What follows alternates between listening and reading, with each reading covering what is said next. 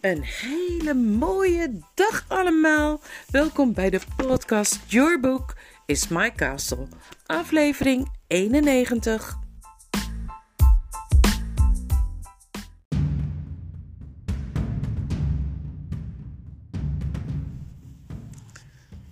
We zijn aangekomen bij hoofdstuk 13 van de Zilveren Stoel. En daarboven staat Onderland zonder de koningin. Ja, die is verslagen in hoofdstuk 12. Ze vonden allemaal dat ze wel wat Schreutel noemde een opkikkertje verdiend hadden. De tovenares had de deur op slot gedaan en tegen de aardmannen gezegd dat ze niet gestoord wilden worden. Dus voorlopig was er geen gevaar dat er iemand binnen zou komen. Eerst moesten ze natuurlijk iets aan Puddelglums ver verbrande voet doen.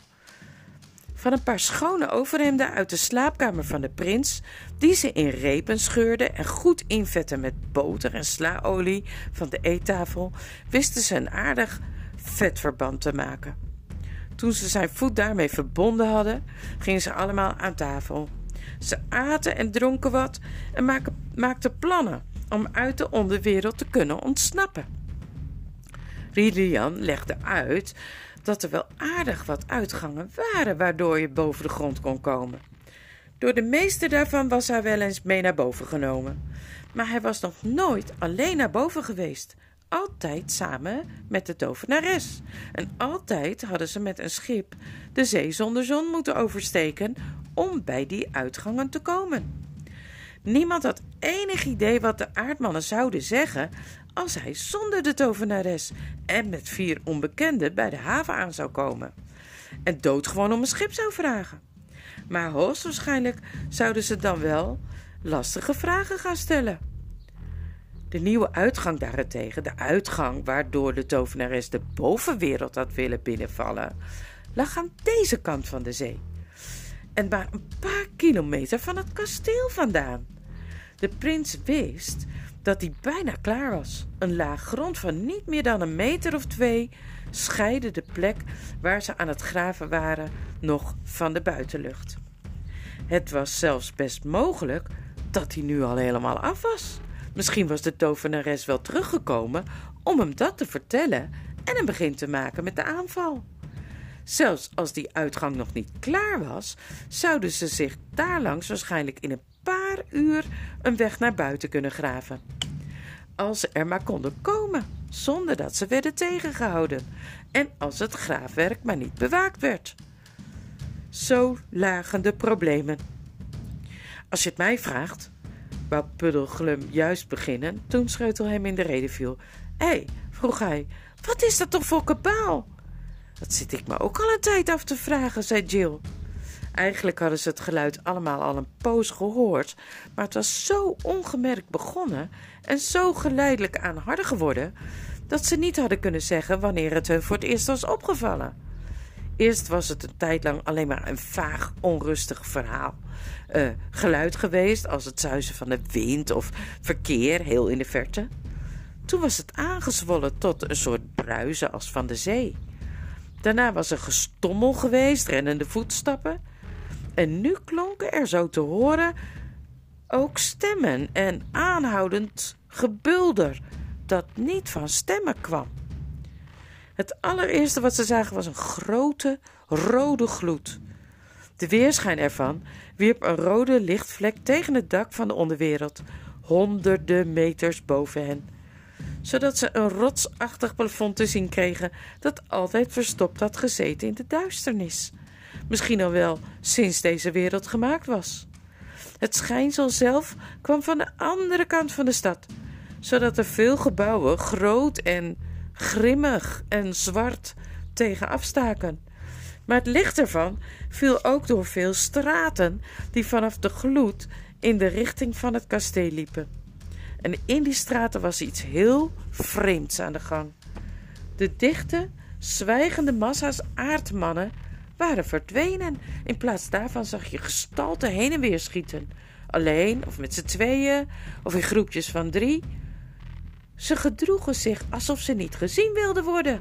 Ze doken weg in de schaduw, achter steunberen of in portieken, om dan weer vlug een open stuk over te steken en in een nieuwe schuilplaats te verdwijnen. En het vreemdste van alles, voor wie de aardmannetjes ook maar een beetje kenden, was het lawaai dat ze maakten. Aan alle kanten hoorde je roepen en schreeuwen. Maar uit de richting van de haven klonk een diep, rommelend gebulder dat steeds harder werd en dat intussen de hele stad al deed dreunen. Wat is er met die aardmannen? zei Schreutel.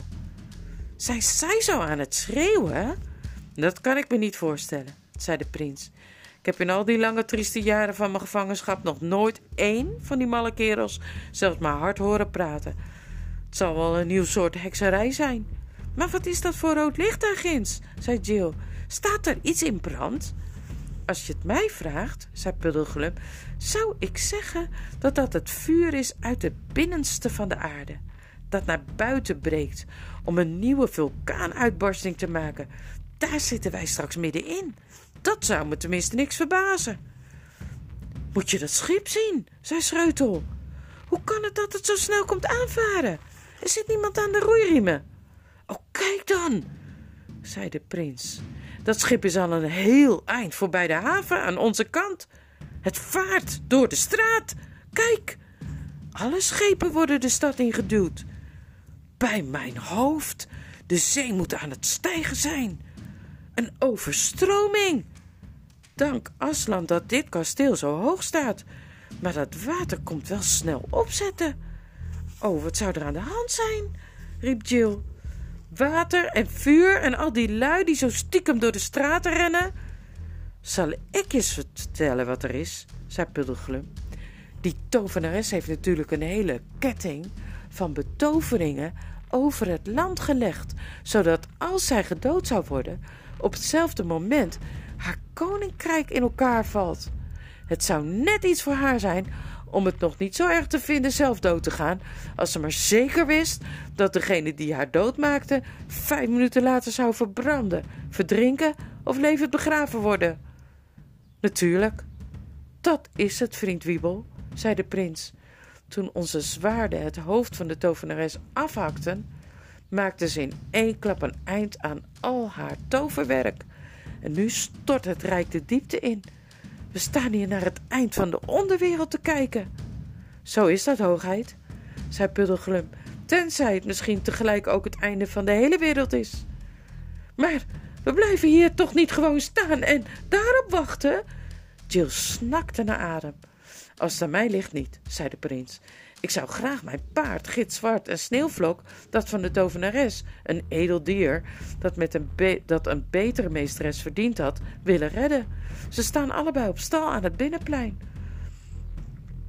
Daarna stel ik voor dat we proberen op hogere grond te komen.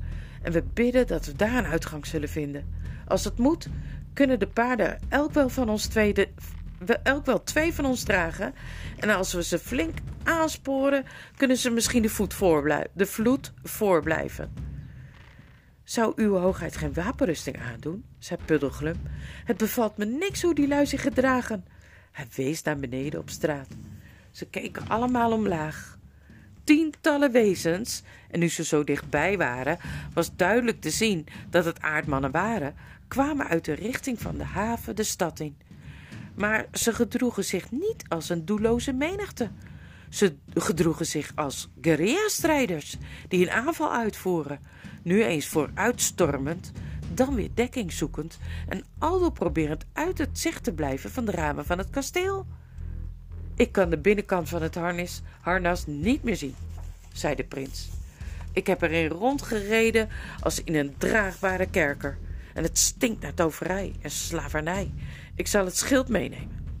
Hij ging de kamer uit en kwam even later terug met een vreemd licht in zijn ogen. Moet je eens kijken, vrienden, zei hij. Hij hield het schild voor hen op. Een uur geleden was het nog zwart. Er stond er niks op en kijk eens. Het schild was gaan glanzen als zilver. Op het schild stond, roder dan bloed of dan kersen, de afbeelding van de leeuw. Dit betekent zonder twijfel, zei de prins, dat Aslan onze trouwe meester blijft. Of hij nu wil dat we hier levend uitkomen of dat we sterven, daarom maakt het niet uit. Nu stel ik voor dat we neerknielen en zijn beeltenis kussen en dat we elkaar een hand geven als trouwe vrienden, die misschien weldra zullen moeten scheiden. En laten we daarna naar beneden gaan, de stad in, en zien wat voor avonturen er op ons gestuurd worden, afgestuurd worden.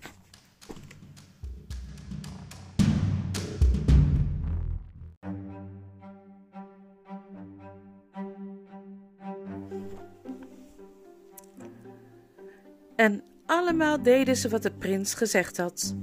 Maar toen Schreutel Jill een hand gaf, zei hij: Tot ziens, Jill. Sorry dat ik zo'n bangerd ben geweest en me zo aan je heb geërgerd. Ik hoop dat je veilig thuis komt. En Jill zei: Tot ziens, Eustace.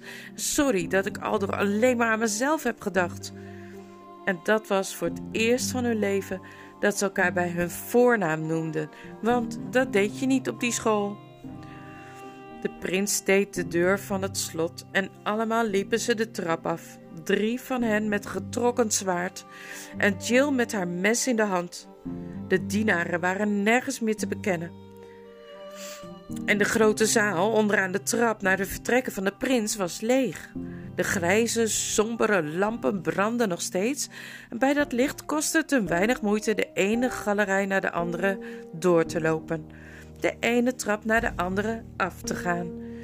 Hier waren de geluiden van buiten het kasteel niet zo duidelijk te horen als in de kamer boven. Binnen in het kasteel was alles stil, verlaten. Pas toen ze op de begane grond een hoek omsloegen de grote zaal in, liepen ze voor het eerst een aardman tegen het lijf. Een dik, bleek wezen met een gezicht dat sprekend op dat van een varken leek, was bezig alle etensresten die nog op de tafel stonden naar binnen te schrokken. Het gilde. Ook die gil leek op het krijzen van een varken. Schoot onder een bank en wist nog net op tijd zijn lange staart buiten het bereik van Puddelglum te zwiepen. Toen holde het weg door een deur aan de overkant van de zaal, te vlug om er nog achteraan te gaan. Vanuit de grote zaal kwamen ze buiten op het binnenplein. Jill, die in de vakanties paardrijlessen had, kreeg juist de geur van een stal in haar neus. En in een oord van Onderland is dat een gezellige, eerlijke, vertrouwde geur. Toen Eustace zei: Grote goedheid! Kijk! Een schitterende vuurpijl schoot ergens buiten de kasteelmuur omhoog en spatte in groene sterren uit elkaar. Vuurwerk? zei Jill met verbazing in haar stem. Ja, zei Eustace, maar ik kan me van die aardmannetjes niet voorstellen dat ze dat voor de lol afsteken. Het zal wel een teken zijn. Dat voor ons niet veel goeds betekent, wil ik wedden, zei Puddelglum. Vrienden, zei de prins, als een mens zich eenmaal in een avontuur als dit stort, moet hij alle hoop en vrees opzij zetten. Anders is zijn eer en zijn gezonde verstand al verloren voordat de dood of zijn verlossing hem komt redden. Ho, brave beesten. Hij deed de staldeur open. Hu, rustig maar, gitzwart. Kalm aan, sneeuwvlok. Jullie worden niet vergeten hoor. De paarden waren al schrikachtig door het vreemde licht en de onbekende geluiden. Jill, die toen ze door een zwart gat van de ene grot naar de andere moest, zo'n bangerd was geweest, stapte onbevreesd naar binnen tussen de stampende en briesende paarden. En de prins en zij hadden in een paar minuten gezadeld en hun hoofdstel aangedaan. Het was het waren prachtige beesten, zoals ze met hun manen schuddend het binnenplein opkwamen. Jill besteeg Sneeuwvlok en Puddelglum klom achter haar rug. Eustace ging achter de prins op gitzwart zitten. Toen reden ze de poort uit. Het hoefgetrappel weer kaatste tussen de muren en de straat op. We hoeven tenminste niet bang te zijn dat we verbranden. Dat is alweer een voordeel, merkte Puddelglum op. En hij wees naar rechts. Daar op nog geen honderd meter afstand stond het water al. Het kabbelde tegen de muren van de huizen. Moed houden, zei de prins. De weg loopt daar erg steil naar beneden. Dat water komt nog maar halfwege de hoogste heuvel van de stad. Dat kan binnen een half uur wel tot daar gestegen zijn, maar het kan best twee uur duren voordat het weer hoger komt. Waar ik eerder bang voor ben, zijn die daar. Hij wees met zijn zwaard naar een lange, potige aardman met slagtanden als die van een everzwijn, die nog zes andere bij zich had in allerlei maten en soorten. Ze waren juist een zijstraat uitkomen schieten en gingen in de schaduw van de huizen staan om niet gezien te worden. De prins reed voorop. Hij bleef aldoor in de richting van de rode lichtgloed, rijden, maar een beetje meer naar links. Hij was van plan om om de brand heen te rijden, als het tenminste een brand was, naar hoger gelegen grond, in de hoop dat ze de weg naar het nieuwe graafwerk zouden vinden. In tegenstelling tot de andere drie leek het bijna alsof hij er plezier in had. Hij floot onder het rijden en zong flarden van een oud lied over koor in dondervuist van Argeland. Maar dat kwam doordat hij zo blij was dat hij eindelijk van zijn bedovering was verlost. Dat alle gevaren daarbij vergeleken nu maar kinderspel leken. De anderen vonden het maar een griezelige tocht. Achter zich hoorden ze gedreun, gekraak van schepen die tegen elkaar opbotsten en klem kwamen te zitten in de straten. En het gerommel van instortende huizen. Boven hoofden zagen ze de enorme, spookachtige lichtvlek tegen het dak van de onderwereld. Voor en uit scheen de geheimzinnige gloed die zo te zien niet groter werd. Uit diezelfde richting kwam een voortdurend geroezemoes van roepen, schreeuwen, de vingers fluiten, lachen, gillen, brullen. Allerlei soorten vuurwerk schoten de lucht in. Geen van allen hadden ze enig idee waar het voor diende. Dichter bij hen was de stad voor een deel verlicht door de rossige gloed en voor een deel door het totaal andere licht van de naargeestige lampen van de aardmannen. Maar er waren veel plaatsen waar geen van die beide soorten licht kon komen. Op die plekken was pikdonker. En op die plaatsen schoot aan één stuk door gestalte van aardmannen het donker in en weer uit. Aldoor met hun ogen strak op de reizigers gericht, proberend zelf niet gezien te worden. Er waren grote hoofden bij en kleine, enorme ogen die op vissenogen leken, en kleine ogen als die van een beer. Er waren veren bij en borstelig haar horen, slagtanden, neuzen als stukken touw en zulke lange kinnen dat het wel baarden leken. Af en toe werd een groep te groot of kwam te dichtbij. Dan zwaaide de prins zijn zwaard in het rond en deed alsof hij op ze in wilde stormen. En dan doken die wezens weg, het donker in, onder geloei, gepiep en geklok. Maar toen ze een heleboel steile straatjes opgeklommen waren, het opkomende water achter zich gelaten hadden en bijna aan de landkant de stad uit waren, begon het menens te worden. Ze waren nu dicht bij de rode gloed gekomen, bijna op gelijke hoogte, hoewel ze nog steeds niet konden zien wat het nou eigenlijk was.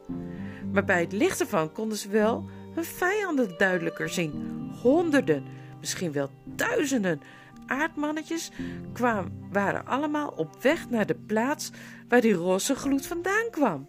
Maar ze liepen er niet gewoon heen. Ze renden telkens een eindje, dan bleven ze weer staan en elke keer bleven ze staan. Als ze bleven staan, draaiden ze zich om om naar de reizigers te kijken. Als uw hoogheid het mij vraagt, zei Puddelglum, zou ik zeggen dat ze van plan zijn om ons de pas af te snijden. Daar heb ik ook al aan gedacht, zei de prins, en we kunnen ons er nooit vechtend een weg doorheen banen. Daarvoor zijn ze met veel te veel, weet je wat? Laten we doorrijden tot vlak naast dat huis daar.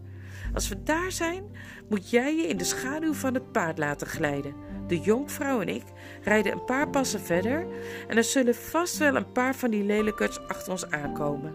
Ze lopen in dichte drommen achter ons, Probeer jij er dan eens één levend te vangen met die lange armen van je, terwijl hij langs je hinderlaag loopt.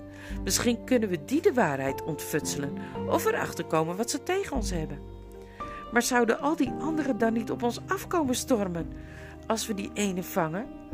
Om die te redden, zei Jill met een stem die niet zo vast klonk als ze bedoeld had. In dat geval, vrouwen, zei de prins, zul je ons rondom jou met ons zwaard in de hand zien sterven en moet je jezelf verder aan de leeuw toevertrouwen. Nu, beste Buddelglum. De moeraswiebel liet zich zo vlug als een kat van het paard af in de schaduw glijden. En een paar ondraaglijke minuten bleven de anderen stapvoets doorrijden. Toen barstte er achter hun rug ineens een serie bloedstollende kreten los, met er doorheen de vertrouwde stem van Puddelglum, die zei: Hé, hey, hé, hey, niet gillen voordat iemand je iets doet, anders doe ik je wat, snap je wel? Je lijkt wel een varken dat geslacht moet worden. Dat heb je mooi gedaan, riep de prins uit. Hij wendde gitzwart onmiddellijk en kwam terugrijden naar de hoek van het huis. Eustace, zei hij, wil je zo goed zijn gitzwarts hoofd even vasthouden? Toen steeg hij af en alle drie stonden ze zwijgend toe te kijken, terwijl Puddelglum zijn vangst uit de schaduw tevoorschijn trok in het licht. Het was een miserig kleine aardman, net een meter groot. Hij had een soort richel op zijn kop, als een soort hanenkam, maar dan hard. Kleine roze ogen en zo'n grote ronde mond en kin dat zijn gezicht wel op dat van een dwergnijlpaardje leek. Als alles niet zo spannend was geweest, waren ze vast in lachen uitgebarsten toen ze het zagen. Vooruit, aardman, zei de prins. Hij boog zich voorover en hield de punt van zijn zwaard vlak bij de nek van de gevangene. Als je een eerlijke aardman bent en ons de waarheid vertelt, laten we je weer gaan. Als je probeert ons voor te liegen, ben je straks een dode aardman. Beste puddelglum, hoe kan hij nou praten als hij zijn mond stijf dicht houdt? Nee, en bijten kan hij zo ook niet, zei Puddelglum. Als ik van die malle zachte handen had, zoals jullie, met alle respect, uw hoogheid, zat ik nu al onder het bloed. Maar zelfs een moeraswiebel wordt het beu als er op hem gekoud wordt. Pas op jij, zei de prins tegen het aardmannetje. Als je nog één keer bijt, ben je er geweest. Laat zijn mond maar los, Puddelglum. Oei, oei, oei, gilde de aardman. Laat me los, dat was ik niet, ik heb het niet gedaan. Wat heb je niet gedaan? vroeg Puddelglum. Wat u ook denkt, ik heb het niet gedaan, edele heren, antwoordde het schepsel. Zeg me eens hoe je heet, zei de prins, en wat jullie aardmannen vandaag allemaal bezielt. Och, alstublieft, edele heren, alstublieft, lieve heren, jammerde het aardmannetje. Beloof me dat jullie hare genade de koningin niks zult vertellen van wat ik zeg. Hare genade de koningin, zoals je haar noemt, zei de prins streng, is dood. Ik heb haar gedood. Hè? Wat? riep het aardmannetje. En zijn belachelijke mond zakte steeds wijder open van verbazing. Dood? De tovenares dood? Dat hebt u gedaan, edele. Hij slaakte een diepe zucht van verlichting en zei toen... Maar dan bent u onze vriend, edele. De prins trok zijn zwaard een paar centimeter terug. Puddelglum gaf het wezen de gelegenheid rechtop te gaan zitten. Het keek met rode schitteroog van de een naar de ander, grinnikte een paar keer en begon.